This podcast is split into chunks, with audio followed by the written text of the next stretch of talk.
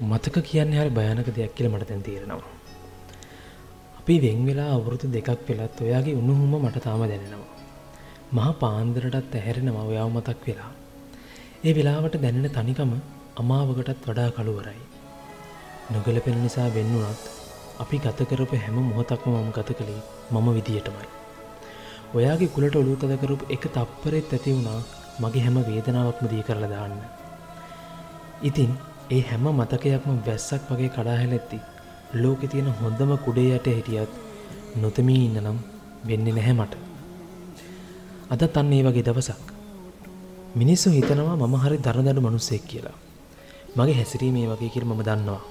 ඒත් මට ලෝකෙට පේන සංවේදී මිනිහෙක් වෙන්න ඕන නැහැ. මම මොන වගේ මිනිහෙක්ද කියලා ඔයා හොඳටම දැනගෙන හිටියා. මම දන්නවා ඔයාට ඒ දේවල් අමතක නැතුව ඇති කියලා. ඒත් අද මට අයිතියක් නැහැ ඔයාට කතා කරන්න. ඔයාගෙන් හිනාවක්වත් බලාපොරොත්තු වෙන්න අයිතියක් නැහැ මට.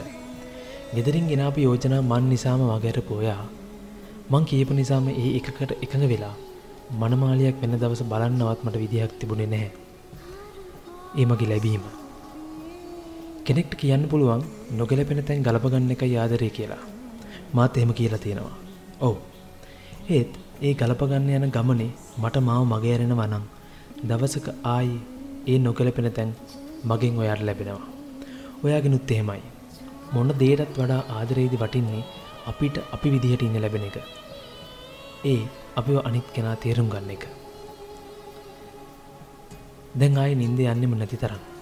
මම දවස් ගණන් නිදාගෙන නැහැ දැන්. ඒ හැම වෙලාවකම ඔයා මට දවසක අහන්න දුන්න සින්දුව අහලා තමා මම මගේ තනිකම නැති කරගන්නේ.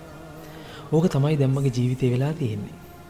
මට මතකයි ඔයා දවසක් මට කිව්වා මටත් හොඳ කෙනෙක් හම්බෙයි කියලා. ඒත් දැන් නම් මම බයයි. ආයේ මේ වේදනාව විඳින්න මට හරි අමාරුයි. මොකද මතක හරි බරයි.